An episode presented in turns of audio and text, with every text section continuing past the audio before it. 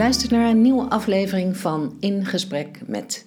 Een podcastserie waarin ik, mijn naam is Daphne de Passé, in gesprek ga met mensen die ik interessant, inspirerend en bijzonder vind. Voor deze aflevering ga ik in gesprek met Fred Boot. Hij is onder meer producent van de musical Soldaat van Oranje. Je gaat luisteren naar een bevlogen en inspirerend gesprek van, ja, in mijn ogen, een verhalenverteller puur zang. Het gaat over zijn drive om mensen in aanraking te laten komen met belangrijke verhalen. Over zijn eigen familiegeschiedenis en de verschrikkingen van de Tweede Wereldoorlog. Het gaat over Indonesië, over passie, eerbied en over je dromen uit laten komen. En natuurlijk hebben we het ook over het lief en leed achter de schermen bij Soldaat van Oranje, ook in deze rare en heftige coronatijd. Misschien nog wat feitjes over Soldaat van Oranje om de context te schetsen. Um, de musical is gebaseerd op het waargebeurde verhaal van een van de grootste verzetshelden uit onze vaderlandse geschiedenis, Erik Hazelhoff. Meer dan 3 miljoen mensen zagen de voorstelling.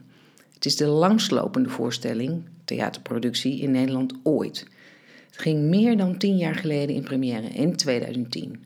In de speciaal voor deze voorstelling gebouwde theaterhangar op vliegkamp Valkenburg in Katwijk. Waarin met een 360 graden draaiende theaterzaal het publiek van decor naar decor draait en waarin een Dakota-vliegtuig en de landingsbaan van het vliegveld onderdeel van het decor zijn. In allerlei opzichten dus een meer dan spectaculaire productie.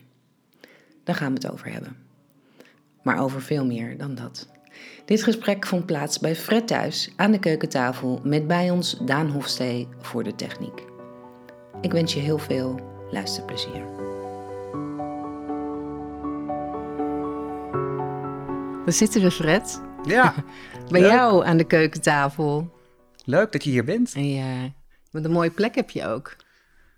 Ja, ik woon hier al uh, vanaf 2000, januari 2001, dus nu precies 20 jaar. Had ik me nog niet eens gerealiseerd. Dat is Oh. deze maand. Feest. Ja, over een week denk ik ongeveer was de verhuisdag. Ja. Een maand voordat eh, mijn eerste zoon werd geboren. Oké. Ja. Ja, het is echt een prachtige plek. Even voor de, voor de luisteraar, want we kijken hierachter ook op een plaatsje met een boom met twee citroenen, Nou, waar we ik het vind net het een over tuin. hadden. Oh, sorry, ja. Een tuin. Nou, voor stadse begrippen, want we zitten in voor Amsterdam. is dit een behoorlijke tuin, ja. Ja, Ja. Met, een, eh, met een boom met twee citroenen. Ja, dat is bizar, hè? ja. Nou, er zijn twee citroenbomen en eentje, daar hangen al twee jaar lang dezelfde citroen in. Ja, en niemand weet hoe dat kan. Nee, nee, er komen ook geen nieuwe bij in de zomer. Ze blijven gewoon hangen en ze zien er, eh, ze zien er ook echt gewoon Ze mooi uit. ze zijn eetbaar, denk ik, maar ik koester ze, want het, mee, geeft een beetje iets van kleur ook in de winter, deze tuin. Ja, bijzonder. Nou, maar leuk dat ik hier eh, mag zijn, want we begonnen een beetje de serie. eh, Daan Hofstee zit overigens bij ons aan tafel met mondkap, zoals het hoort. Wij niet, want dan Praat dan onhandig. praat ze heel onhandig. Maar ehm, eh, ik begon de serie bij mij aan de keukentafel.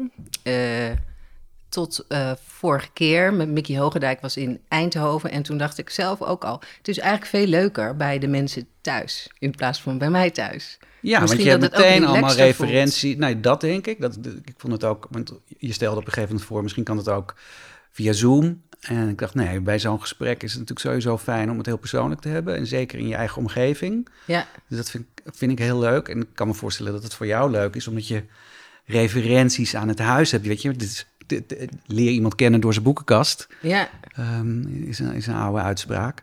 En ehm, daardoor krijg je toch een- sneller een beeld van wat iemand bezighoudt of waar iemand door geraakt wordt ja, eh, ja. in het leven. Dus zeker, want boven jou hangt eh, een heel mooie, hele mooie foto van een Dakota. Daar hadden we Ja. het ook al over. Een, Met echte, een echte eh, oude DC-3, Ja, ooit op de kop getikt bij loods 5. En eh, mijn dochter zei, die moeten we meenemen voor boven de tafel. Het is eh, niet de Dakota die we bij Soldaat van Oranje gebruiken, maar het is wel precies dezelfde. Ehm, alhoewel die bij ons in de voorstelling groen is en dit is echt een, eh, een, een, een zilveren vogel. ja, En ehm, nou, de DC-3's werden in de Tweede Wereldoorlog heel veel gebruikt. Ook, ehm, er waren, vlogen ook oranje DC-3's eh, door de lucht.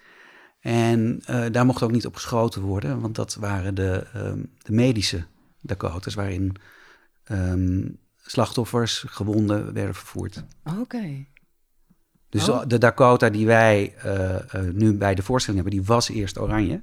Ja. En die hebben we ehm, via het aerodroom Le- Lelystad ge- geleend, gehuurd. En dus die hebben, mochten we godzijdank wel, wel, wel groen verven. Want er was een akkefietje toch met, die, met het vervoer van die eh dat- Dakota. Die kwam vast te zitten. Op, Ja, dat eh, blijft een heel dramatisch verhaal. Ja. Ehm, terwijl ik er heel eh, bij lag nu. Dus eigenlijk ja, is nou niet, het, het heeft ook iets. Nou ja, inmiddels- wij, wij konden er uiteindelijk natuurlijk ook wel om lachen, maar de, de eigenaren natuurlijk niet. Dat was Museum Gevleugelde Vrienden bij Eindhoven.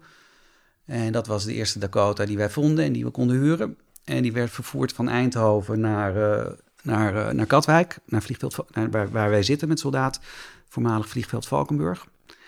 En dat vliegtuig was ook daadwerkelijk gebruikt. Eh, jarenlang heeft de Tweede Wereldoorlog overleefd, et cetera. En uiteindelijk het transport van Eindhoven naar, eh, naar, naar Valkenburg niet. Ehm, het zat op een, eh, op, op een, op een, op een ehm, zo'n dieplegger. En ze hadden de, ze hadden de motoren, de vleugels waren er wel af, maar de motoren die hingen nog gewoon aan, eh, aan de romp. Ja. En ze hadden één meetfout gemaakt eh, bij de brug bij de Kaag. En daar heb je op de A44 een betonnen opstaande rand aan beide kanten bij die brug. En daar paste die niet tussendoor. Dus daar kwam die op vrijdag 13 augustus Vrijdag de 2010 13e. eh, kwam die daar vast te zitten. En ehm, toen ik sliep in, op een vakantieparkje in Noordwijk, want ik moest ook heel veel heen en weer om eh, en bij repetities en bij de bouw van, eh, van ons theater te zijn. Eh, dus ik zat dicht bij Katwijk en ik werd om, nou ik denk om drie uur gebeld door iemand van mijn persdienst die mee was met dat transport om het, het vast te leggen. Want we dachten, ja, misschien kunnen we er nog een mooie foto uit halen en aankondigen dat dat vlieg, vliegtuig veilig is aangekomen. Maar dat werd een heel ander bericht. ja. Dus toen kon ik ook niet meer slapen. En toen ben ik 's morgens om zes uur of zo eh, naar Valkenburg gegaan. En daar kwam, kwam hij toen net aan. En het was echt een dood vogeltje. Het was echt behoorlijk in de kreukels. En eh, nou, die transporteur, die jongen die de vrachtwagen reed, die was natuurlijk totaal van slag. En, ehm, en toen stond er opeens om kwart voor zeven iemand van, eh, van Radio 1 voor mijn neus. Want die hadden dat natuurlijk gehoord op de politieberichten of wat dan ook.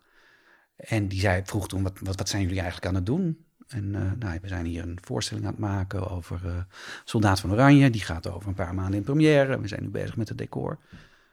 En, eh, maar mag ik even binnenkijken? En toen waren we net onze draaiende tribune aan het bouwen. En toen zei hij, wat wordt dat dan? Ik zei, daar gaan de mensen zitten. En die gaan dan van decor naar decor, wordt, worden zij gedraaid. Oh, oh, nou, eh, wat gek dat ik daar nog niks van gehoord heb. En ik zei, nou, we hebben over een week een perspresentatie, maar niemand weet eigenlijk wat soldaat is of wat wij hier gaan doen. Want de aanmeldingen die zijn eh, nou, niet, niet heel veel. De aanmeldingen van... Aanmeldingen voor die perspresentatie hadden we denk ik eh, een handje vol. Ja. En toen ging die eh, man van Radio 1, die ging zijn collega's van eh, tv bellen, de tv-redactie, van stuur even een cameraploeg, want er gebeurt hier echt wel iets. En dit is best een heftig eh, eh, ding voor, eh, voor zowel het vliegtuig als voor de beginnende producenten. Mhm. En toen kwamen zij, en toen kwam RTL Nieuws, en toen kwam, nou echt, de hele dag kwam er allemaal media. En dus daar, daarom gingen op een gegeven moment mensen ook denken dat we het expres gedaan hadden. Ja. En dat het een publiciteitsstunt was. Nou, we zouden natuurlijk wel gek zijn, want het is veel te kostbaar allemaal. En tijdens een van die interviews eh, eh, eh, had ik ook gezegd van... nou, ik hoop dat, ehm dat Lelystad ons wellicht kan helpen. Misschien hebben zij nog een Dakota. En die belde ook meteen die dag. Dus we hadden ook diezelfde dag eh, eh, vervanging. Want het is echt onderdeel van de, van de Ja, voorstelling, het het ja, in, vliegtuig, hè? ja in, de, in de slotscène eh, eh, komt, eh, of in een van de slotscènes komt, gaan, gaan de deuren open. Dus dan heb je een, een binnen-buiten scène. En dan komt, het, komt de Dakota aanrijden. En daar stapt dan koningin Wilhelmina aan voor haar voet op bevrijde bodem. En ehm, eh, Erik Hazelhoff is op dat moment haar adjudant, de soldaat van Oranje. En eh, die begeleidt haar het, eh, het, het, het, het vliegtuig uit. Ja. En dat is altijd een heel mooi moment. Het is altijd geweldig als die deuren open gaan. En, eh, want die- dat is in alle seizoenen natuurlijk verschillend. Hè? In de zomer, ehm, of met de matinee bijvoorbeeld, is het nog licht. S'avonds is het donker. Eh, in de winter heb je soms ijzel of sneeuw. Of, eh, dus, of, of als het regent, dan staan de acteurs met een paraplu. Ja, Eh, ja. Dus we hebben daar echt hartstikke veel verschillende scènes eh, bij meegemaakt. Ja, want we vallen, we vallen er helemaal in, hè? Maar even voor de, voor de, de context. Het is echt een hele bijzondere productie, hè? Met, met, ja, want je noemt het even in een bijzinnetje. Het publiek draait eh, om het decor heen, zeggen. Nee, hè? Van, het, van eh, decor naar decor. Ja, sorry. ja, het publiek ja. draait eh, eromheen. En ehm, eh, de, de hele locatie hè, is natuurlijk al heel bijzonder. Dat het gewoon op, op vliegveld is. Ja, Met zo'n Dakota erbij. Dus ze zitten helemaal toen. Nu zijn we er aan gewend door jullie. omdat het al tien jaar een voorstelling is. Maar het is natuurlijk wel echt heel, heel bijzonder. En Ja, en het is eigenlijk allemaal. ik mo- mocht van Erik Hazelhoff, eh, toen hij nog leefde, hij is in 2007, helaas drie jaar voor de première overleden. Dus hij heeft nooit gezien. Maar het woord toeval mocht, mocht nooit gebruikt worden. Want komen we misschien ook nog wel op, op, op, op mijn ontmoeting met hem, was eigenlijk ook een soort van toeval. Maar Erik had daar een geweldige uitspraak voor. Die zei: eh, Toeval vind ik allemaal onzin. Het- Hij zei: Coincidence is fate in action. En dat is eigenlijk veel mooier. Hè? Het, lot komt gewoon in actie. ja, ja. En dat is geen toeval. Het lot komt gewoon in actie. En dat, dat, dat, dat, eh, op, met dat wat je doet of dat wat je uitstraalt, roep, roep je dat eigenlijk over jezelf af. Of kan je, kan je dus dingen voor elkaar krijgen. Oh, mooi ja. En ehm, die, die zin gebruik ik ook heel veel. Ehm, In goede, bij goede en slechte dingen. ja, ja je, kan het, eh, je kan het ook bij slechte dingen Ja. in principe wel gebruiken. Maar meestal eh, eh, gebruik ik hem bij voorkeur positief. dat, dat is meer mijn inborst. En ehm, Want het toeval, je zegt misschien was, was jouw ontmoeting met hem ook toeval? Ja, dat, die, die, die, dat loopt nog veel verder terug. Ehm, eh, mijn, ik heb een broer, mijn broer Marco, die woont in eh, Atlanta, in Georgia. Veel in nieuws de afgelopen weken. Ja. de stad en de staat. Ehm, en ehm, die werkte al heel lang voor een familiebedrijf. Dat, we, eh, dat mijn, mijn opa ooit 100 jaar geleden begonnen is in verpakkingen. En hij doet de, de Amerikaanse tak daarvan. En die belde mij in 2003 op eh, met de mededeling: Ik ga jouw held ontmoeten. Ik zei: Held, held, held. Ik, ik heb geen Heb ik held. een held? Ja. Hij zei: Jij vindt de soldaat van Oranje toch zo geweldig? Ik zeg: Ja, man. Fantastische man. En eh, toen zei hij dat hij naar een boekpresentatie ging van een eh, nieuwe autobiografie van Erik Hazelhoff, een Nederlandse club in Atlanta. Dus ik zei tegen mijn broer voor de grap van nou regel even de rechten. En eh, dus mijn broer heeft uh, Hazelhoff Voor een musical ja, had je al. Ja, ja, Mhm. ja, dat idee had ik al heel lang. Dat was, het idee was nog tien jaar ouder. Dat ik eh, heel graag een keer van... Een, sowieso heb ik drie dromen. Had ik altijd een, musical maken, een eigen restaurant en een eigen roman. En, ehm, eh, eh, en die musical moest ook over Soldaat van Oranje gaan. Oké. Ehm, Daar was je al helemaal door gegrepen. daar was ik als klein Door jongetje al door. of- Ja, door, nee, nee, in eerste instantie door de, door de film. Mhm. Ehm, ik denk dat ik eh, pff, elf of twaalf was toen de film uitkwam. Elf, denk ik. Ehm, maar die heb ik uiteindelijk op televisie gezien. Dus ietsje later, denk ik. En eh, had hem ook opgenomen op, eh, op een VHS. Goede En, oude eh, tijd. En spoelde al die geweldige quotes steeds terug. En dan maakte, die zette ik ook op cassettebandjes. Dus ik kende ook die hele film uit mijn kop, zowat. En ehm, toen ik in... eh, uiteindelijk ben ik gaan werken bij Joop van den Ende in eh, 1991. En daar deden we een, eh, een, een, een ehm, musical, eh Cyrano de Musical. Dat was de eerste mu- Nederlandse musical die Van den Ende naar het buitenland eh, probeerde te brengen. Mhm. En ehm, daar mocht ik ook drie weken eh, aan meewerken. En ehm, nou, dat was allemaal hartstikke spannend. Het ging eigenlijk heel goed, totdat de recensies kwamen. En die waren niet zo best. En toen, eh, eh, en het vervelende bij een première op Broadway is dat de recensies komen al s'avonds uit. Dus je komt het theater uit en je kan bij wijze van meteen de New York Times lezen van joepie de poepie of holy shit. Oké. En dit was een holy shit, Ja. Ehm, eh, want dat was niet best. En toen ging Joop met al zijn energie meteen een aantal mensen bij elkaar roepen... om de volgende ochtend bij een reclamebureau eh, toch eh, aan een campagne te werken. Dus in de volgende ochtend liep ik... Jij deed de PR vooral. nou, ik deed vooral de niet? Nederlandse pers, Mhm. die natuurlijk daar heel veel kwam. Dus Ja. die, die ontving ik en die begeleide ik als PR-man, inderdaad. En ik mocht meedoen en meedenken over sommige dingen eh, eh, voor de campagne daar, Mhm. in die periode dat ik daar zat. Ehm, en ik mocht dus ook die ochtend mee naar dat reclamebureau om mee te denken over en op zoek te gaan naar toch goede quotes uit de recensies die je in een advertentie kon gebruiken en noem maar op. En toen liep ik over Times Square, wat ik altijd heel stoer vond met je kopje koffie. Zo van, nou, ik ga naar mijn werk. Ik was, Ja. Wat was ik? eh, eh, 29, denk ik. 28, 29. Mhm. En ehm, toen zag ik daar ons prachtige billboard hangen van Cyrano. En toen dacht ik van, maar wat zou nou wel werken bij die patriotistische Amerikanen? Hè, wat, uit, wat uit Nederland zou komen. En toen schoot door mijn hoofd Soldier of Orange, the musical. Ah. En vanaf daar is dat idee eigenlijk nooit meer weggegaan. Tot ik, en dat heeft, eh, ik heb ooit toen nog, pff, ehm, ook in die periode, zelf nog een scenelijst gemaakt, eh, het boek weer gepakt, eh, die ik destijds van mijn vader had gekregen toen ik zo fan van de film was als klein jongetje. En een scenelijst gemaakt, zelfs één liedtekst geschreven. En toen is het in een la beland en verder nooit meer naar gekeken. Totdat mijn broer dus Erik Hazelhoff ontmoette. En wist dat ik ooit met dat idee had rondgelopen. Ja. En, ehm, eh, en toen heeft mijn broer dus Hazelhoff aangesproken bij die boekpresentatie. En ehm, nou, dat vond Erik in eerste instantie maar een raar idee. Van hoe kan je nou heeft zo... echt het idee meteen ook neergelegd. Hij zei van mijn broer, eh, denk, we zouden het fantastisch vinden. Of mijn broertje, zegt hij, zei hij natuurlijk. hij- Marco is acht jaar ouder dan ik. Eh, mijn broertje zou het fantastisch vinden om een theatervoorstelling van uw verhaal te maken. Toen zei hij, nou, dat kan toch helemaal niet. Eh, eh, ik ben piloot geweest, vliegtuigen. eh, we zijn met een boot naar Engeland gegaan. Ja. Ehm, nou, met wel een spannend idee, maar een beetje een beetje raar idee. Zo- Zo'n soort reactie had hij. Maar eh, hij mag me mailen. En Erik Hazelhoff woont, woonde met zijn vrouw Karin op Hawaii. En daar woonde hij toen al 30 jaar en daar schreef hij en nou ja, van alles.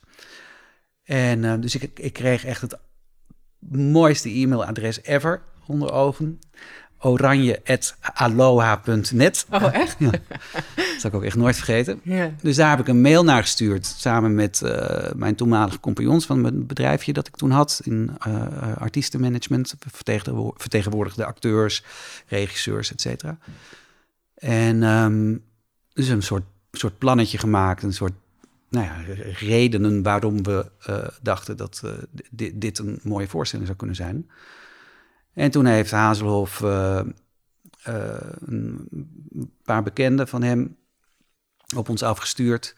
Eerst een, eh, iemand die hem had geholpen met dat boek, een Nederlander. En die gaf een positief advies. En toen heeft hij een neef, een gepensioneerd bankier, met ons laten praten om een, om een optieovereenkomst eh, Want op wat te had je stellen. voor redenen in de mail gezet? Ehm, een van de belangrijkste redenen om het te, te willen maken, en, en als belangrijke aanleiding was eh, ehm, om nieuwe generaties in contact eh, te brengen met dat verhaal. Mhm. Omdat je op die manier, eh, met het verhaal van Erik, klinkt misschien gek, ehm, maar op een laagdrempelige manier, ehm, omdat het natuurlijk ook een soort spannend jongensboek is, eh, maar op een laagdrempelige manier de, de, de, de, vreselijke verhalen van een oorlog kan vertellen. En ehm, dat je een oorlog dus moet blijven, vind ik, eh, moet blijven herdenken om te proberen te voorkomen dat dat soort excessen weer gebeuren. Mhm. Ehm, en ik was op dat moment net vader. Eh, ik had een zoon van twee en mijn dochter wa- was, eh, was net geboren. En ehm, ik dacht elke keer van hoe ga ik nou het verhaal van wat mijn ouders eh, in de oorlog hebben meegemaakt, hoe ga ik dat nou ooit aan hun vertellen? Want hoe, hoe vertel je je eigen familiegeschiedenis door aan je eigen kinderen? Mhm. En ik dacht, als je nou een aanleiding hebt om erover te praten, eh, waardoor ze vragen gaan stellen van hoe zat het dan bij ons, dan blijft het veel langer hangen dan wanneer je gewoon een keer blunt vertelt van nou, dit en dit hebben mijn ouders meegemaakt in de oorlog. Ja. Maar door naar bijvoorbeeld een voorstelling als soldaat te gaan en je uh, zit daarna samen in de auto terug naar huis, uh, dat kinderen dan vragen, maar pap, mam, uh, hoe zat het eigenlijk bij ons? En dus het, het, het ging zeg maar over de, aan de ene kant, zoals ik aan Hazelhoff had uitgelegd, over de oorlog op macroniveau, hè, van zo, dat moeten we blijven herdenken, want dat mag nooit meer gebeuren. Maar vooral ook heel erg op microniveau van hoe vertel je je eigenlijk familiegeschiedenis door. Mm. Want um, nou ja, hoe je het went of keert en of mensen nou um, uh, de oorlog op een, op een laag pitje hebben meegemaakt of juist de meest gruwelijke dingen hebben meegemaakt en al hun familie kwijt zijn geraakt hè, en, en, alle, en alles daartussenin. Maar die periode heeft natuurlijk wel onze opa's en oma's of onze ouders uh, gevormd en daarmee heeft het ook weer ons gevormd. Ja, dus ik kon denk, jij dat gesprek hebben met jouw ouders? Ja. ja. Al vanaf dat je klein was? Of? Ja, ik wist vrij veel. Ik denk dat daar ook mijn interesse voor de Tweede Wereldoorlog. En ik ben sowieso hou ik heel erg van geschiedenis, maar met, met een. Uh, en ik was altijd ook heel erg geïnteresseerd in de, in de Tweede Wereldoorlog. En dat, dat kwam um, omdat mijn ouders natuurlijk wel verhalen vertelden over wat zij hadden meegemaakt. Mhm. En um, ik je zegt natuurlijk, maar dat is op zich Nee, niet dat is helemaal niet natuurlijk? Nee, nee, nee, nee, nee, zeker niet. Uh, maar mijn ouders waren er redelijk open over. Ik, ik, van mijn vader weet ik denk ik wel, nou ongeveer wel alles. Mhm. Um, hoe die dat ervaren heeft. Uh, mijn vader woonde in, in Groningen. En die had twee broers die in het verzet zaten. Twee oudere broers. Mijn vader was een behoorlijke nakomer. Dus mijn vader was 12 tot 17 in de oorlog. Mijn moeder overigens ook. Dus allebei uit 1928. Um, maar mijn vader had een broer van een van 10 en een van bijna 15 jaar ouder. Oké. Okay. En die zaten in het verzet. Um, en een van die broers, die is bij een razzia op een nacht, toen hij echt net getrouwd was, uh, van zijn bed gelicht en naar uh, Boegenwald, uh, een kamp in Duitsland, gebracht. Mm -hmm. En um, hij moest daar nou, hard werken in steengroeves, mijnen, weet ik veel wat. En hij was astmatisch en hij heeft dat kamp niet overleefd. dus mijn vader, die zal ook nooit vergeten hoe hij zijn ouders bij elkaar zag zitten met een briefje en helemaal in tranen. En dat, toen, toen ze dat bericht kregen. Ja. Um, nou, dat verhaal weet ik vanaf kleins af. En mijn moeder die uh, woonde in Indonesië. Dus die zat in het kamp. Um, in verschillende kampen. Um, de heftigste was Chideng. Uh, met een enorme kampbeul. En daar moesten ze elke ochtend om zes uur op appel. En moesten als jonge meiden helpen om de huizen leeg te halen. En de, de, de, piano's en banken en zo. Die gingen natuurlijk allemaal naar de jappen. Ja. Um, dus mijn moeder die is haar hele leven ook loeisterk. Die had ontzettende armkracht. Oh ja? ja? Zelfs de sterkste vrienden van mij of van mijn broers... die verloren van mijn moeder met armpje drukken. Oh echt? Ja, niet normaal. Ja. Echt niet normaal. En mentaal zal ze ook uh, ja, sterk zijn. Mentaal was ze ook sterk. Um, ja, jij komt ook uit Groningen. Een van de Groningse uitdrukkingen is Night Susan. Mm -hmm. um, maar ik kreeg daar ook nog mijn moeder overheen met die, uh, mentali met die kampmentaliteit. Die natuurlijk niet, mijn moeder was helemaal niet Gronings. Ja. Um, uh, maar die had, dus aan twee kanten was het wel het, uh, het, het Night Susan. ja, ja. Werd er, werd er wel in. Wat zou dat, maar, hoe zouden we dat vertalen? Gewoon niet zeuren, toch? Oh ja, zeuren. Is ja. natuurlijk Susan, ja. Susan. Ja.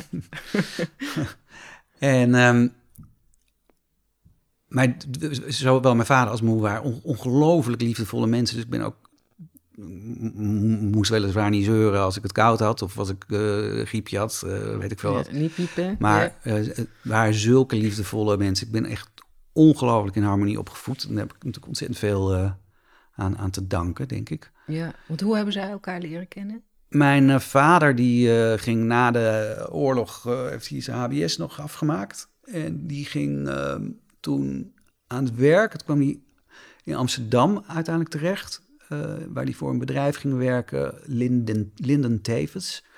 Een Engels bedrijf van oorsprong. Dat deed in uh, witgoed, uh, maar ook in pick-ups en al dat soort dingen. veel elektronica.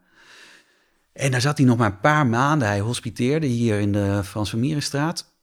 En ehm, waar ik overigens ook nog een periode gewoond heb, wat ik heel grappig vind. Oh ja, in dezelfde straat? In dezelfde straat, ja. ja. Niet ver bij waar hij woonde. Um, ik heb daar maar een halfjaartje gezeten of zo hoor. Um, en mijn vader die uh, woonde hier, nou weet ik veel, drie maanden, een half jaar of zo. En toen moest hij bij zijn baas komen. En toen zei die baas van, Boot, wil jij naar, uh, naar Kuala Lumpur? Um, ja meneer. En hier heb je 100 gulden, koop maar een dekenkist en een paar overhemden. En volgende week kan je op de boot. Dus dat heeft hij gedaan. Oké. En mijn uh, moeder zat op dat moment ook in Kuala Lumpur, want de Nederlanders moesten natuurlijk Indonesië uit. Ja. In 49. En die was. Mijn moeder had au pair gezeten in Londen en dat vond ze allemaal verschrikkelijk. En haar zusje was naar Kuala Lumpur gegaan, dus ze was naar haar zus gegaan. En die had inmiddels een Nederlandse man. En um, die hebben mijn moeder, en die hadden op een gegeven moment ontmoeten mijn oom en tante uh, mijn vader in een, in Nederlandse club ook in, in, Kuala Lumpur. En um, die dacht, nou, leuke, leuke vent. Dus die dachten, die moeten ze maar eens even voorstellen aan, uh, aan het zusje, dus aan ja. mijn moeder. En zo hebben mijn ouders elkaar daar leren kennen. Oké. Okay. En toen in, denk in, nou, in 52 of zo, um, toen kreeg mijn vader een telex van zijn vader vanuit Groningen... dat, het, dat ze hem nodig hadden bij het familiebedrijf in, in, in verpakkingen in Groningen. En toen moest mijn moeder, arm mens, vanuit, Zo, vanuit, de, vanuit, vanuit het mooie... bijna 30 jaar in de Oost, ja, uh, ja. Uh, naar of all places, Groningen, waar ze dan op blote kakkies en in de gewaden, ja. toch andere kleren, net iets andere kleren dan, dan, dan, dan wat, wat de Groningers droegen. Ja. Maar ze heeft het gedaan en uiteindelijk ook heeft het daar heerlijk gehad. En ze hebben nog een tijdje in de stad gewoond en toen zijn ze naar Haren verhuisd. Toen mijn oudste broer en zus. Haren ligt net buiten Groningen. Ja. 10 kilometer of zo, denk ik. Vijf? Ja, vijf. Zoiets, ja, vijf. Vijf, vijf. vijf ja. Ja, Oké, okay. ja, ja. bijzonder. Want, want waren zij, um, stond de, de oorlog centraal, dat klinkt een beetje raar in je jeugd, maar kwamen zij zelf met de verhalen of was jij zelf zo geïnteresseerd dat je. Nee, ze kwamen wel zelf met de verhalen en mijn, mijn, mijn vader was ook super geïnteresseerd, dus die ging ook allerlei dingen altijd uitzoeken. Ik denk dat. Om, op, op het sterfbed van mijn vader, toen grapte ik tegen hem van volgens mij weet jij meer van mama's geschiedenis dan mama zelf. Um, dat was denk ik echt zo. Dus uh, uh, via die route uh, kregen we, mijn broers en zus en ik ook, ook wel veel te horen. Maar mijn moeder vertelde zelf ook wel dingen. Maar wij vragen ons als kinderen nog altijd af of we alles weten. Uh, wat daar gebeurd is. Ja. Het heftigste verhaal is dat mijn moeder was nogal uh, recalcitrant in die tijd. Maar puber natuurlijk ook, hè. En je moest de jappen moest je groeten als aan de, waar, waar, waar ze ook liepen. moest je een buigingje maken. Een uh, namaste, zeg maar. Mhm. En um, uh, zij uh, weigerde dat. Zij keek altijd de andere kant op als ze een Japanner zag. Of een Jap, zoals zij natuurlijk zei. Mhm. En dat, waar ze op een gegeven moment zat, toen hebben ze er op een jeep gezet en door het kamp gereden. Om te laten zien van dit gebeurt er met je als je ons niet goed. En toen hebben ze er armen op de rug gebonden. Ja, ik doe, ik doe het nu voor, dat, Ja. dat Daphne het kan zien. Eh, eh, en vervolgens haar armen op de rug gebonden en eh, aan haar armen opgetakeld aan een boom. En daar haar gewoon laten hangen. Totdat een neefje of een familielid, geloof ik, haar uiteindelijk zag hangen. En ik geloof dat ze drie, vier uur heeft gehangen. En eh, toen is ze losgemaakt. Ja. En ehm één hand was echt bijna zwart en eh, was natuurlijk helemaal af. Ja, er kwam geen bloed meer. En ehm, het is allemaal wel goed gegaan hoor. Eh, maar als ik met mijn moeder bijvoorbeeld naar een oorlogsfilm keek en als ik naast ze zat, dan zat ze altijd over de hand en haar duim te wrijven. En ehm, ze was een fysieke een reactie. fysi- echt een fysieke reactie op, Ja. op, op, op beelden Ja. kon ze wel hebben. En ze konden, daar kon ze wel over vertellen. Maar ik heb ook foto's van mijn moeder uit die periode natuurlijk. En ze was echt bloedmooi. En uh, nou, alleen daarom al denk ik dat er ook nog wel andere dingen, andere zijn, dingen gebeurd. zijn gebeurd.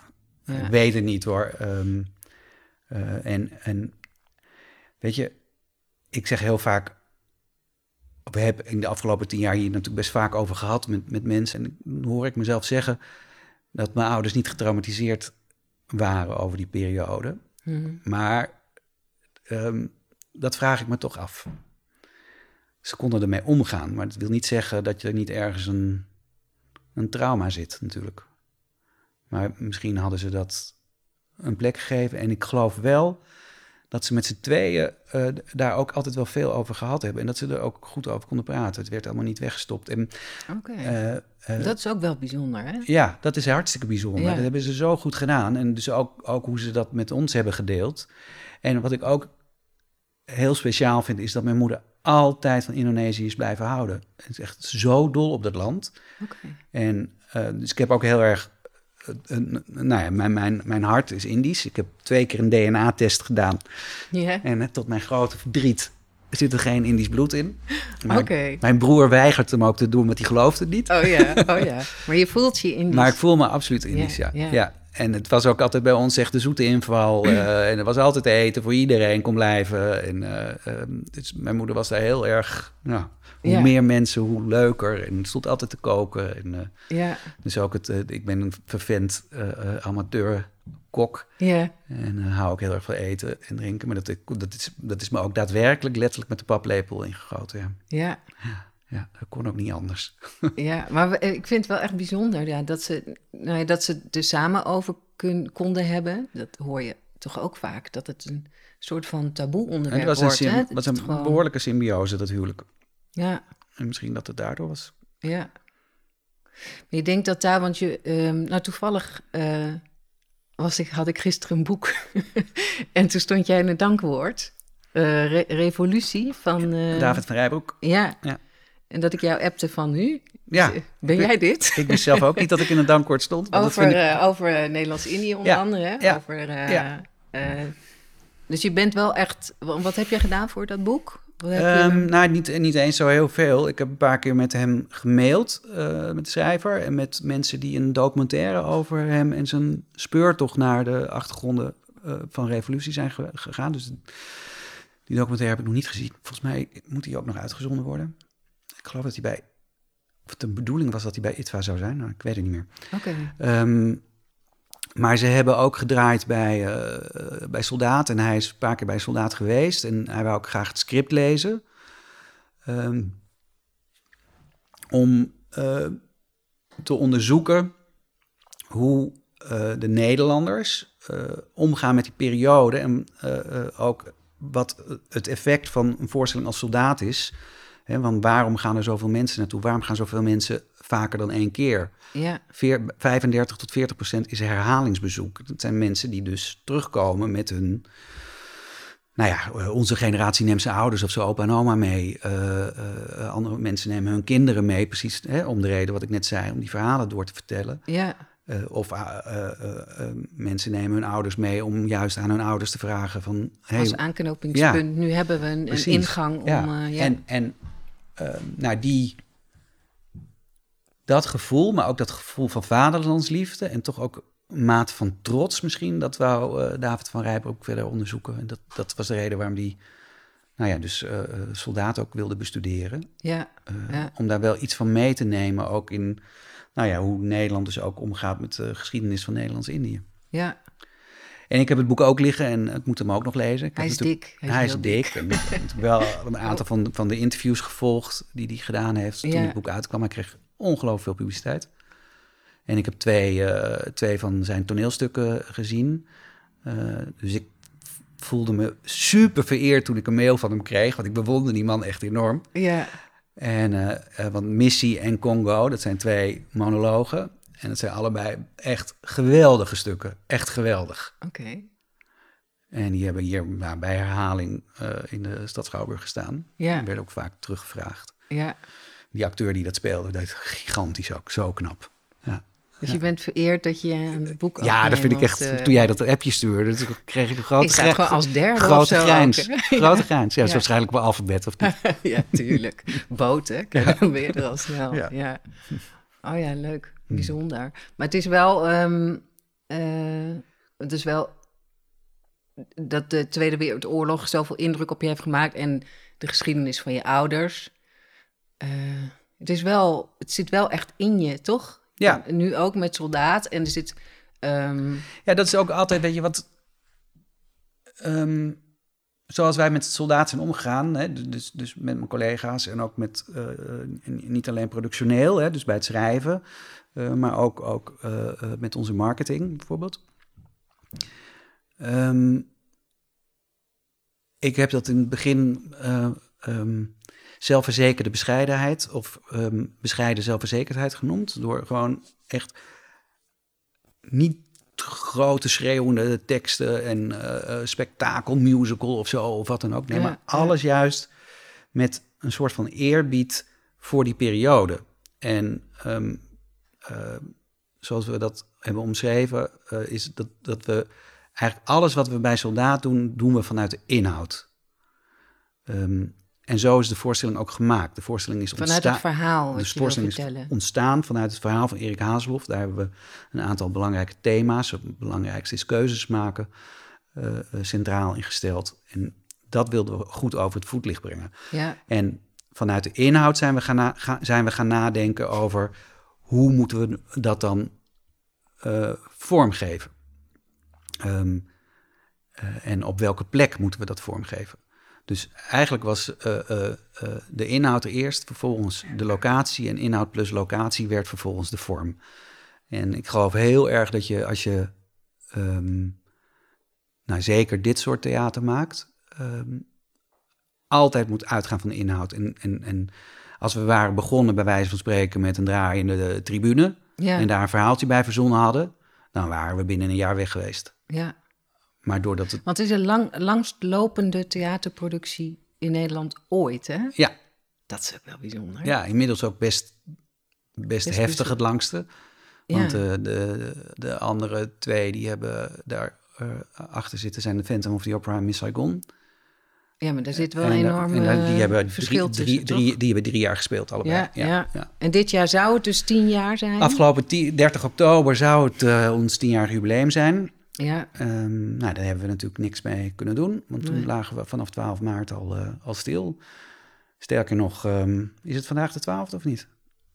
Ja, hè? geen idee. Over twee, maan, over twee Ja, maanden is het notabene, over twee maanden is het notabene een jaar dat we al stil liggen. Ja, En we hebben nog geprobeerd te spelen een paar weken in september, oktober. eh, voor, eh, voor 300 man. ja, Maar dat, ja, dat ging ook niet. Ja, het ging wel, maar ja, dan speel je met zo ontzettend veel verlies. En toen moesten we opeens weer terug naar 50 man. En ja. nou, dat kan al helemaal niet met zo'n dure voorstelling. Gaat het wel weer terugkomen? Dat is eh, eh, wel de bedoeling. Ik heb nu, notabene, hoe bizar het was dat dat zo uitkwam... eh, op 30 oktober aan alle mensen met een vast contract... en met een tijdelijk dienstverband moeten vertellen via Zoom aan 60 man... ehm, dat we pas weer gaan spelen als we eh, echt weer het perspectief hebben op een volle zaal.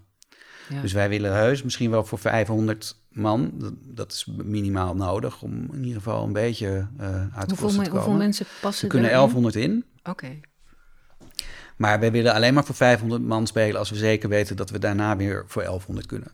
ja, Ehm, want als je elke keer weer terug moet naar minder of je moet toch weer dicht. Nou, dat is onduidelijk naar je medewerkers, is onduidelijk naar je publiek. Ehm, en er, liggen, eh, er zijn maar liefst 50.000 mensen die nog een kaartje voor soldaten hebben. Die allemaal ook allemaal hun voucher behouden tot, eh, tot onze grote vreugde. Dat ze net zoveel vertrouwen hebben eh, dat we terugkomen als wij dat hebben. ja, En die hopen we dan, ja, nou ja, stel dat er in september, dat we dan op 80% vaccinatie zitten. En dat eh, de overheid dan ook echt eh, durft te versoepelen, ook in de theaters. Hè, naar, eh, dat mensen echt weer naast elkaar mogen zitten. Dus ook niet met een stoel ertussen of twee stoelen ertussen zoals het was. ja. Ehm, dan kunnen wij eh, weer opstarten. En dat gaat natuurlijk wel even duren, want we moeten weer nieuwe acteurs aannemen. Eh, we moeten even weer repeteren. Eh, we moeten natuurlijk eh, de mensen die die foutjes hebben allemaal omboeken. Eh, dus dat, ja, dat is wel een proces van twee, drie maanden. Ja. Dus als ik hoop, in, mijn- in mijn dromen hoop ik, eh, en het is enigszins realistisch denk ik ook wel, dat als we dat in nou, juni, juli weten, dat we dan in september, oktober weer eh, in de lucht zijn. Want je was nog met een eh, spannend eh, avontuur bezig in Londen, toch? Ja. Dus de Soldier of Orange die je Soldier vroeger Orange. eh, op eh, Ja. Broadway zag. Die, Die, zou, nu, die eh, zou naar, eh, naar Londen. Ja. Een hele gave locatie, recht tegenover City Airport. En ehm, hebben we eigenlijk gewoon een, een, een betonnen vlakte. Vlak achter de universiteit. Eh, op een deel van een, een, een universiteit. En ehm, daar zouden we eh, in april gaan bouwen. En toen kwam natuurlijk de lockdown. Dus ook in Londen hebben we ook op pauze moeten En drukken. heel, daar is nu niks. Dus dan zou je echt een heel gebouw, alles...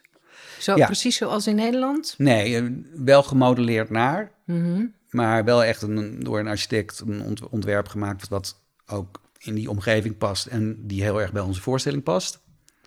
Eh, ziet er heel, echt, heel erg te gek uit. En ehm, de stalen dakconstructies eh, die, eh, waren al klaar, dus die liggen nu in opslag te wachten Want tot dat is we... ook allemaal gestopt, Ja, tijdelijk. ja, ja, ja. Dus, kijk, het zou niet heel zakelijk, economisch verantwoord zijn om nu allemaal investeringen te doen zonder te weten wanneer je dat kan terugverdienen. mhm. Ehm, dus we hebben onze investeringen eh, daar gestaakt. Eh, en godzijdank wel eh, inmiddels ook getekend de verlengingen van de vergunningen en van de huurtermijnen. Dus die lopen eigenlijk als het ware een beetje mee met COVID. Ja.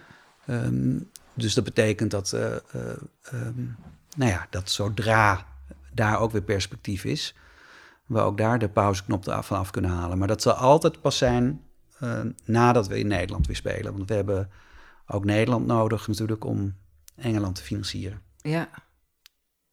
En hoe, want hoe zie je, zien je dagen dan nu eruit? Hmm. Wat, wat, wat doe je zo al de hele dag? Nou, voor het eerst echt zin, en dat is denk ik nu sinds een maand of zo, is mijn agenda een beetje leeg aan het raken. Daarvoor je En tot die tijd, regelen, regelen. Heel veel geregeld. En natuurlijk, omdat we natuurlijk ook wel weer geprobeerd hebben te spelen, was dat natuurlijk ook toch wel weer druk met soldaat. Toen was natuurlijk eh, de beslissing om echt langdurig op pauze te gaan. Dat heeft natuurlijk ook nog wel een, een, een nasleep waar je Mhm. eh, eh, tijd in stopt. En ik ben ook vicevoorzitter van de Vereniging van de Vrije Theaterproducenten. Dus van de niet gesubsidieerde theaters theaterproducenten. En ehm, nou, daar ben ik vanaf 12 maart ook heel erg veel mee bezig geweest, samen met mijn collega bestuursleden. eh, onder leiding van Boris van der Ham, en, eh, die ons voorzitter is. En Marten Lalleman is onze directeur. Die zich allemaal het schompens hebben gewerkt om ja, gewoon te kijken wat er allemaal dan wel kan. Ja. En het zijn dus, nou ja, talloze lobby's geweest van, eh, eh, ja, van, van, van, van schadevergoedingen tot garanties, tot, nou, we hebben heel veel geprobeerd van hoe kunnen we dan wel spelen. eh, eh, hè, op een gegeven moment kwam die natuurlijk de anderhalve meter, betekent in het theater eigenlijk dat je twee stoelen tussen de huishoudens hebt. Mhm. Dat betekent, kort door de bocht gezegd, dat elk theater nooit verder komt dan een derde bezetting. Nou, eh, een gemiddelde voorstelling heeft gewoon 50, 60 procent bezetting nodig om uit de kosten te komen. Dus nou, heel erg met dat allemaal protocollen gemaakt. ehm, samen met de andere brancheverenigingen. Dus heel goed samengewerkt met de theaters en heel Mhm. goed samengewerkt met de gesubsidieerde gezelschappen. Die allemaal steun kregen, want er kwamen natuurlijk pakketten vanuit de OCNW van, eh, van 300 miljoen, van 200 miljoen. Maar wij als vrije theaterproducent, als, als, als ondernemers die met eigen geld theater maken, eh, vielen steeds een beetje tussen economische zaken en cultuur. ja. Dus werd een beetje heen en weer geschoven. Ehm, dus dat duurde. eh, Het was ook niet een, een eh, dat je dan in, de, De in generieke het potje maatregelen. valt van eh, ja, dat je je personeel kan doorbetalen of zoiets. Generieke maatregelen golden natuurlijk wel. Dus de NOW Oh, ja. en ehm, de tege- tegemoetkoming vaste lasten, TVL. Ja. Dus da- da- daarin werden we natuurlijk wel uiteraard gesteund. Nou, dat hielp uiteraard heel veel. Ehm, maar voor heel veel mensen die alweer aan het produceren waren met nieuwe voorstellingen, ja, dat, en, en voorstellingen die niet gespeeld konden worden, hè, die dus allemaal gecanceld werden. Ja. Daar was eigenlijk geen, waren eigenlijk geen regelingen voor. Dus daar hebben we eh, hard voor moeten strijden. En ook echt ongelooflijk vaak moeten uitleggen dat ehm, wij als vrije theaterproducenten verantwoordelijk zijn voor maar liefst 70% van het theateraanbod in Nederland. Slechts 30%, Oh, echt waar? slechts 30% is dus gesubsidieerd. Ja. En die werden, eh, en terecht, eh, overigens hoor, hartstikke goed geholpen. Ehm, 70 procent. maar de andere 70% werd niet zo goed geholpen. En daar is uiteindelijk 40 miljoen voor gekomen. en ehm eh, in Belmet zitten ook alweer allerlei regels aan. Ja. Maar er is in ieder geval een. ehm, en dat wordt op, nou ja, op dit moment wordt er heel hard gewerkt aan een, een goede verdeelsleutel. Ik denk dat wij met soldaten niet zoveel aanspraak gaan maken op, eh, eh, op, op, op schadevergoedingen, omdat wij al te lang spelen. Ehm, eh, maar wat heel Dus vervelend te- is, want te wij. lang spelen, als in... Oh, nou ja, dat, dat in ieder geval je aanloopkosten zijn er natuurlijk uit. Oh, zo, ja. Maar daarbij wordt voorbij gegaan aan het feit dat een, eh, eh, een voorstelling ook gewoon zijn weekkosten heeft en daarmee heel veel verliest. Ja, ja. En wij hebben nu bezuinigd waar we, waar we kunnen, maar wij hebben natuurlijk ook miljoenen verlies geleden in het afgelopen jaar. Maar echt Ja. miljoenen. Ja, En eh, hebben gewoon zo goed en kwaad als het kan zoveel mogelijk mensen ehm, eh, geprobeerd te behouden. Dus de mensen met een vast dienstverband, die hebben we behouden. Dus we hebben dus nog steeds 30 man of zo nu in dienst. Ehm, maar al onze ZZP'ers, eh alle de parttimers, die, ehm, en die hebben we allemaal moeten laten gaan. ja. Wat super verdrietig is.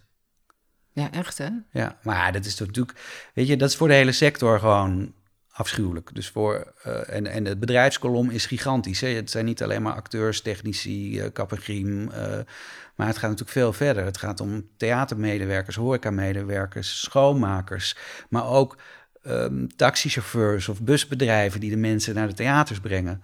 Ehm, dus juristen die eh, eh, gespecialiseerd zijn in entertainment. Ehm, nou ja, dit is een ongelooflijk grote bedrijfskolom waar zo ontzettend veel mensen in werkzaam zijn. Ja, Die, eh, die, da- die daar allemaal de nou ja, echt, echt de dupe van zijn. En in die zin is, is zeg maar de entertainment, theater, eh, evenementen, eh, de, de, de, de, de, de, festivals, de concerten eh, zijn hè, na, naast de horeca toch wel de branche die, het- die het hardst geraakt wordt. ja. Ja, en de, ja, en de winkels. Ja, iedereen heeft natuurlijk zijn eigen...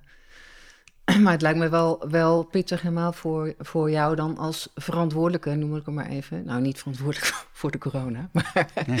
Nee, maar ik bedoel, dit zijn wel mensen waar je eh, al lang mee werkt. Ja. En, ehm, Ja, sommige mensen al vanaf het begin. Gewoon, Ja. weet je, die de hele opstart vanaf 2007 al hebben meegemaakt. ja, En ehm, nou, daarom ben ik ook zo blij dat we ook samen met onze aandeelhouder hebben kunnen besluiten dat we echt op pauze staan. En dat het niet, ja. Dat niet kraan- er tussenin. nee, eh, dat niet alles onzekerheid. dichtgedraaid is. Maar Ja. dat, dat, dat we dus echt wel eh, aan iedereen kunnen beloven dat we vol positiviteit en optimisme gewoon Ja, doorgaan. En, en, en straks weer vol enthousiasme eh, weer opstarten. ja. Eh, Over eh, positiviteit en enthousiasme gesproken. Jij hebt één audiofragment, hè? Ja, En dan moet je, dan moet je zelf om lachen dat je er maar één had. Ja, Maar, ik heb eh, natuurlijk duizenden dingen, maar ik kan altijd... Ik dacht, er komt vast iets uit, eh, uit Soldaat van Oranje, maar, maar nee. Ja, dat vond ik, vond ik er voor de hand liggen. Ja, Dat had natuurlijk zeker gekund. En ook, ik had ook, eh, ehm, ook nog wel nagedacht over... in plaats van een liedje uit Soldaat en Scène... dus gewoon een, een, een, dialoog mhm. die van belang is. Maar ik vond het eigenlijk ook te voor de hand liggen. Dus ik dacht, ik kies iets waar, ehm, waardoor ik eigenlijk dit vak ben gaan doen. ja, Ehm, want ik denk, nou ja, als, misschien was er dan iets anders gebeurd in mijn jeugd, waardoor ik eh, van, van, van theater, van musicals, van film zou gaan houden. Maar eh, eh, dit nummer heeft wel echt alles aangezet bij mij. En toen was ik elf, tien of elf. tien of elf toen je het, het hoorde. Ja, Zullen we nu een klein stukje draaien? Dan, eh, dan kunnen we daarover verder praten. En dan aan het einde van de podcast draaien we hem helemaal. Ja? Oké. Komt-ie.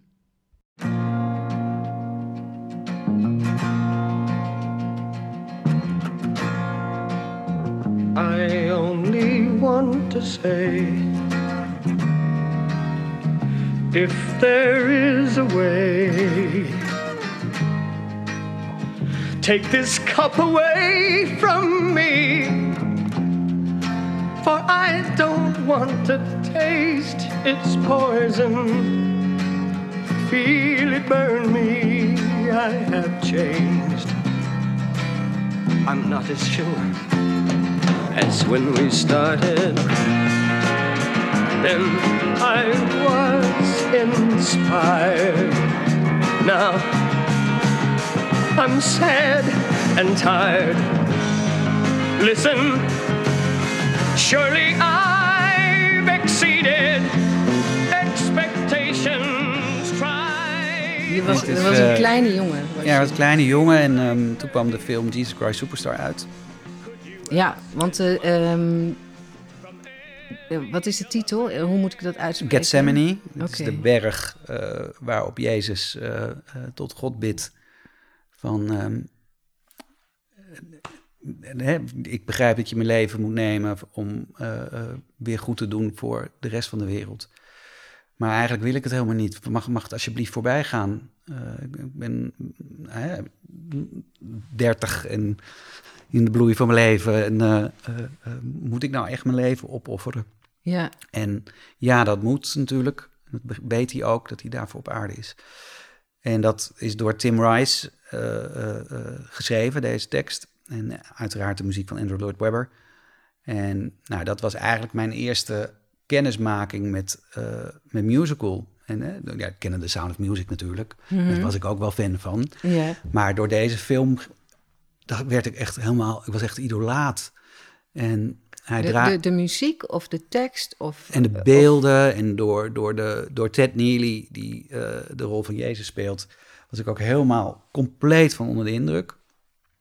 Zeker als die zo close in beeld komt in die kop en hoe die... Ja, ik heb even op YouTube eh, Het- gekeken het- het- voor dit lied. ik Dus zal straks nog wat over Indrukwekkende man. Ja. Een enorm indrukwekkende Ja, ja. man. Zal- Ik zo nog iets over hem vertellen. En ehm, toen ben ik in één week volgens mij vier keer naar de bioscoop geweest in Groningen. Vanuit- echt? Ja. Nee, want ik- e- eerst met mijn ouders.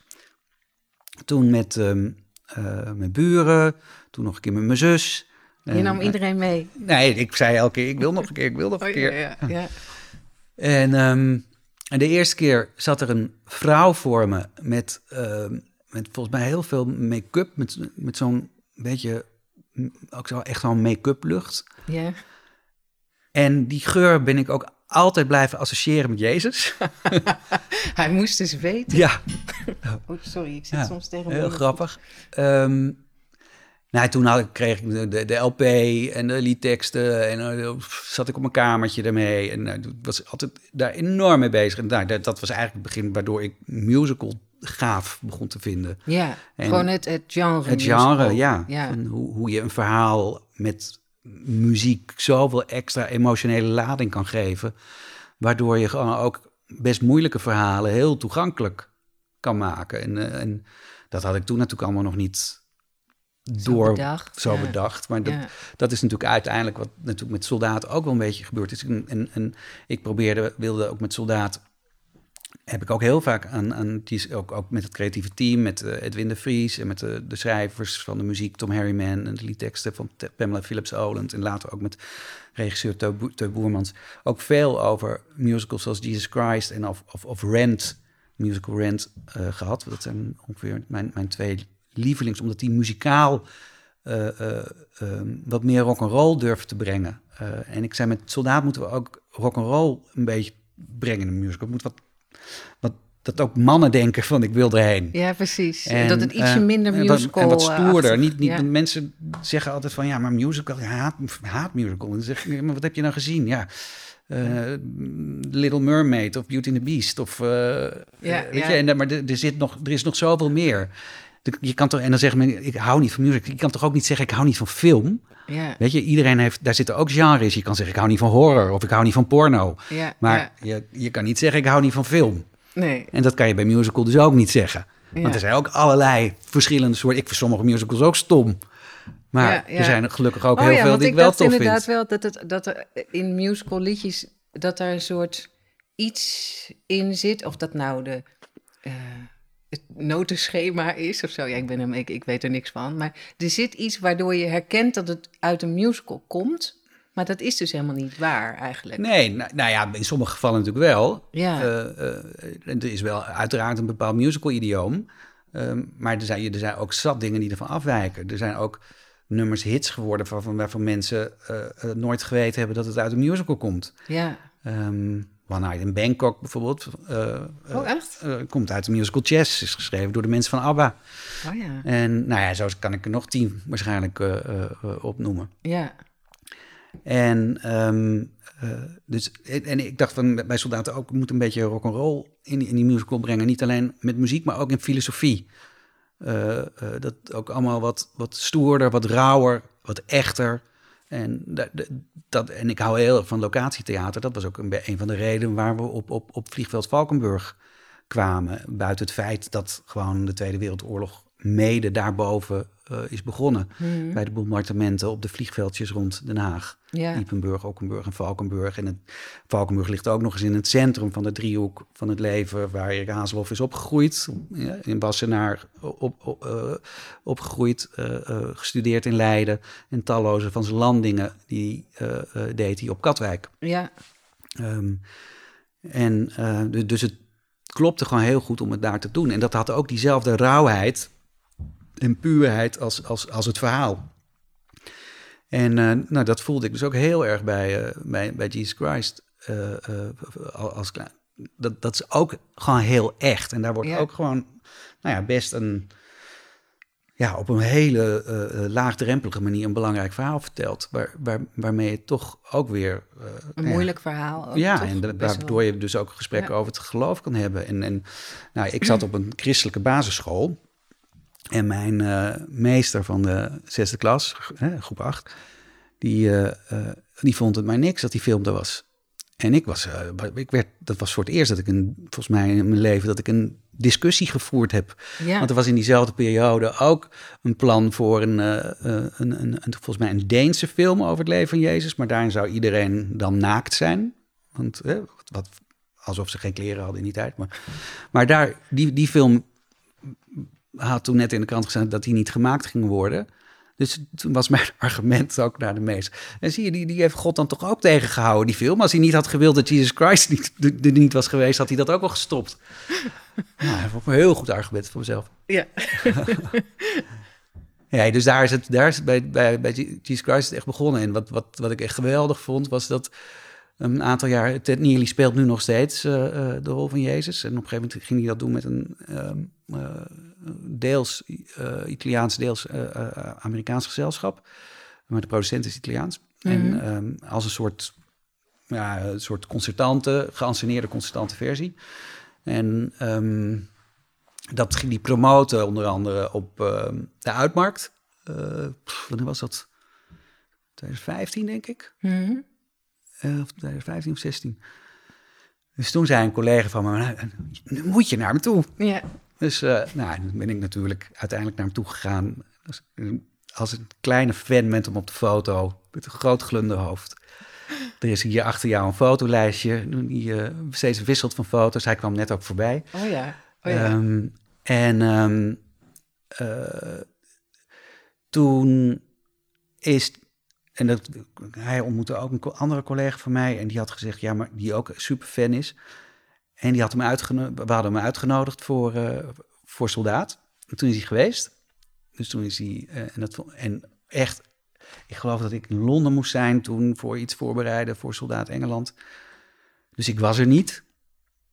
Tot mijn grote verdriet, dus ik heb hem ook niet kunnen rondleiden. Ehm, maar wij hebben in ons decor eh, hebben we ehm, de set van Minerva, dat is de, de, de, de, de, de sociëteit. Ja. En daar staan allemaal handtekeningen in van studenten. Maar er zijn een paar deuren, die hebben wij altijd vrijgehouden voor als, er, als we bijzondere mensen rondleiden. En die laten we dan hun handtekening daarop zitten. Oké. Dus daar staan heel veel bijzondere handtekeningen op, echt heel veel.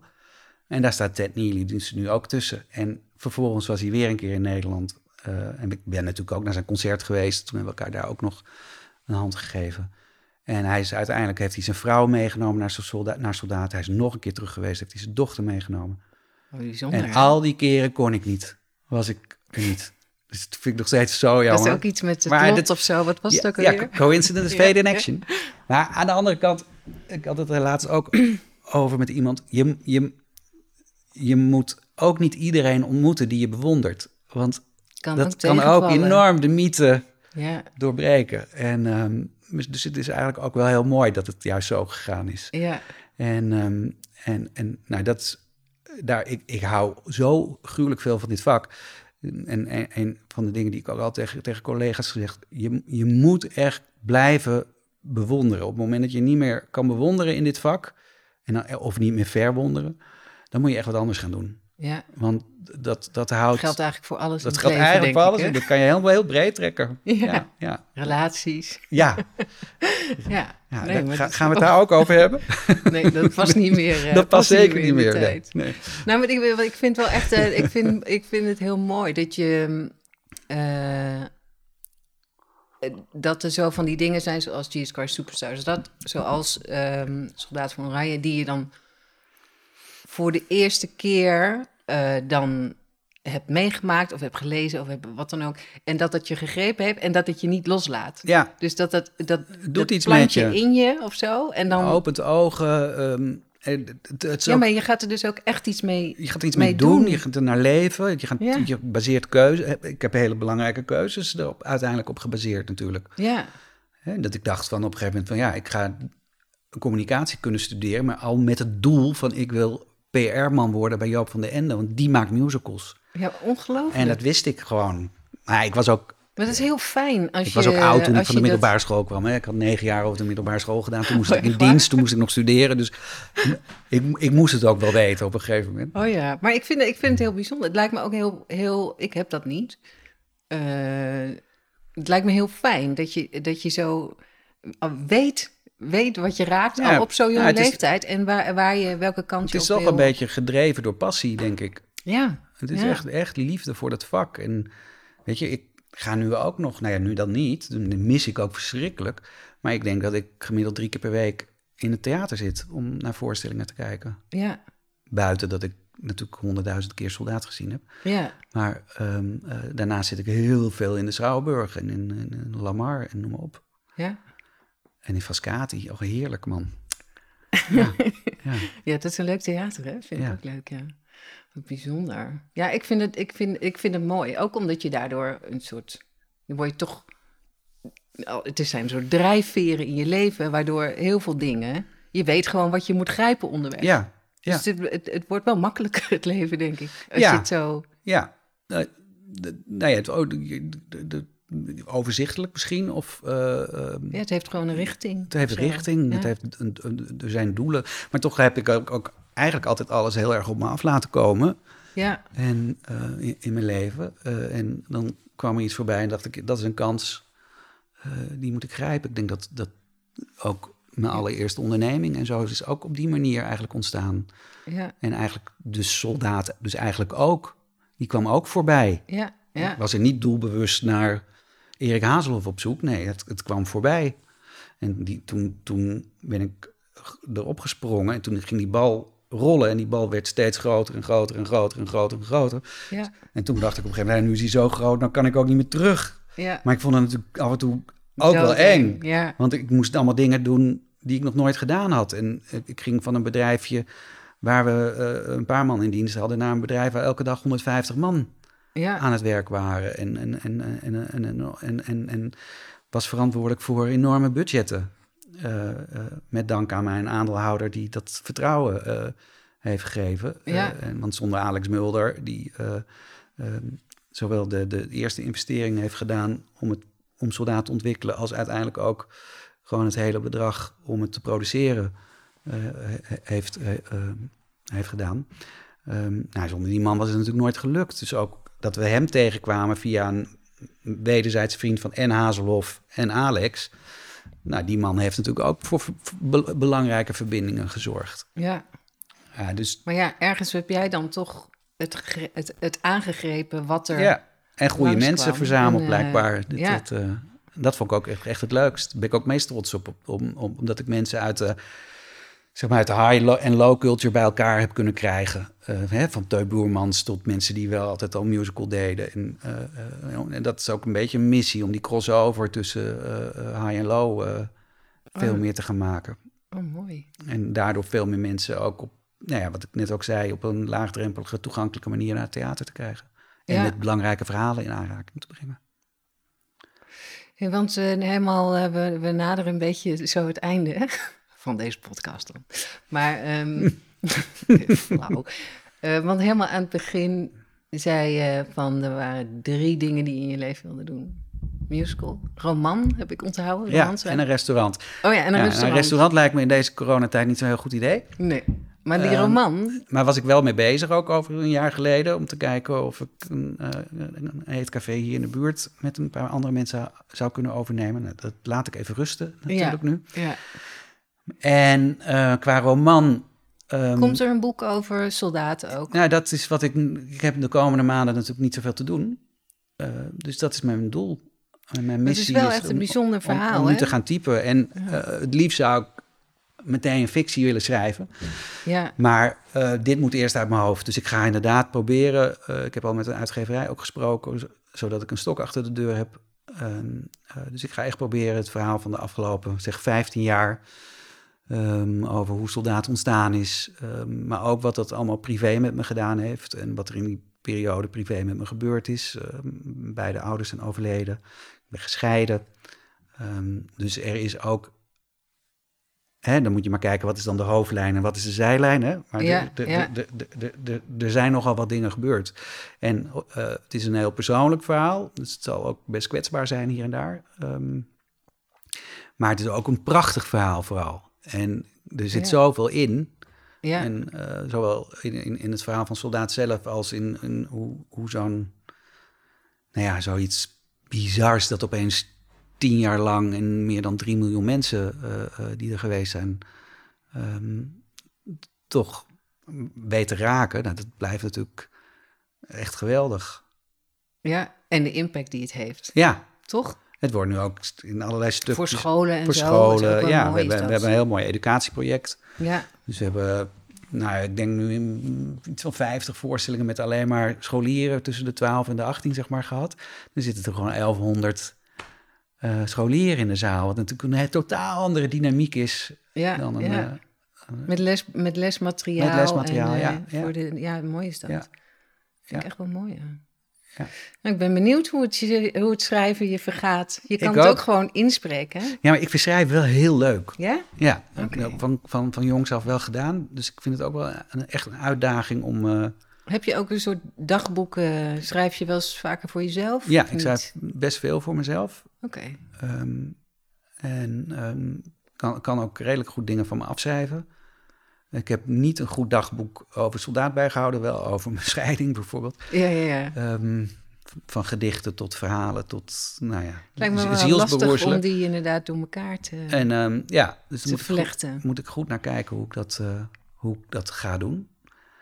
En ehm, ik heb ook het eh, talent om ehm, eh, eh, slechte herinneringen eh, te- snel te vergeten.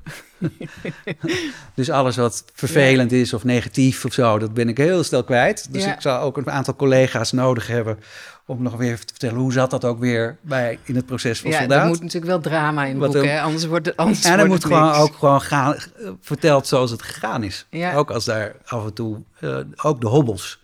Ja, En niet alleen maar... het, juist, inderdaad, het- het-. Ja, Dat is inspirerend Ja, weer voor, precies. toch? En natuurlijk waren er hobbels, alleen die hebben we allemaal genomen. En Ja, eh, voor de rest ging het... ja, het ging vrij smooth, maar Ja. er zijn natuurlijk wel dingen gebeurd. ja. Die moeten ook in dat boek. Ik ben benieuwd. Ja, ik ook. We gaan, we gaan afronden, hè? Ja, leuk Daphne. Ja, ik vond, eh, ik, ik vond het om. mooi. Ja, gaat snel, hè? Ja. ja vind ik ook. Nou, dankjewel. Jij ook bedankt. Dit was de zesde aflevering van In Gesprek met, met hele grote dank aan Fred Boot. Ik kijk uit naar de roman van Fred. En laten we hopen dat we allemaal weer heel snel naar het theater kunnen.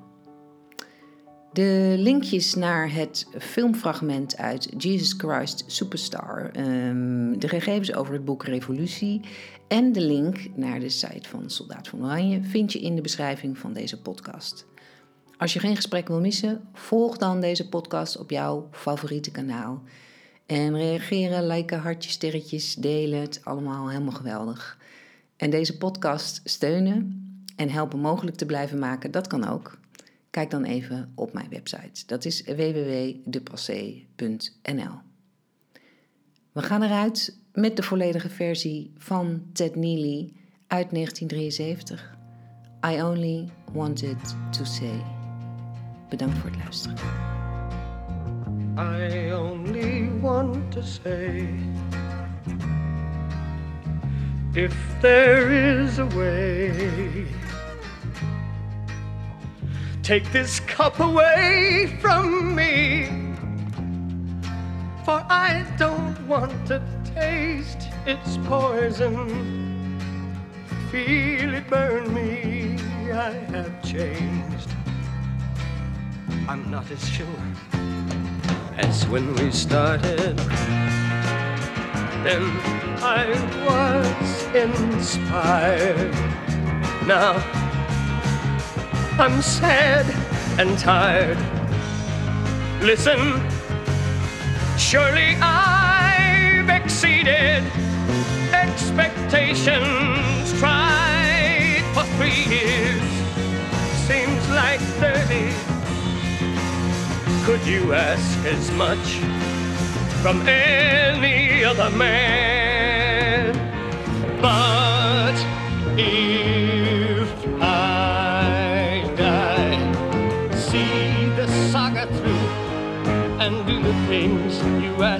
me. Let them hate me, hit me, hurt me, nail me to the tree. I'd want to know, I'd want to know, my God. Want to know, I'd want to know, my God. Want to see, I'd want to see, my God. Want to see, I'd want to see, my God. Why I should die? Would I be more noticed than I ever was before? Would the things I've said and done matter anymore?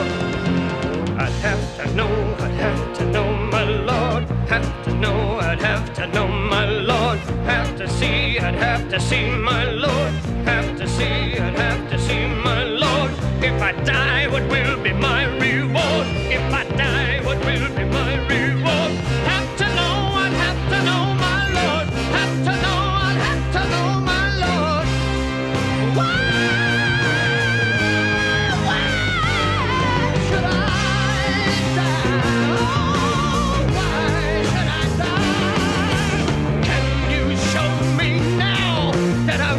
not be killed in vain? Show me just a little of your omnipresent brain. Show me there's a reason for you wanting me to die. Far too keen on where and how, but not so hot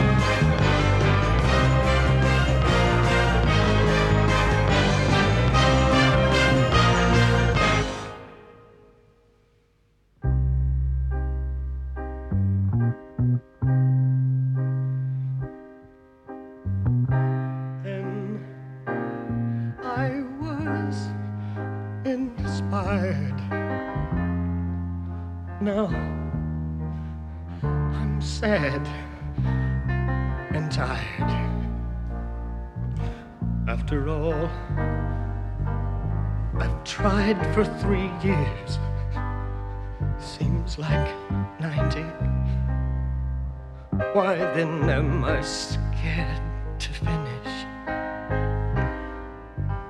what I started, what you started. I didn't start it. God, thy will is hard, but you hold every card.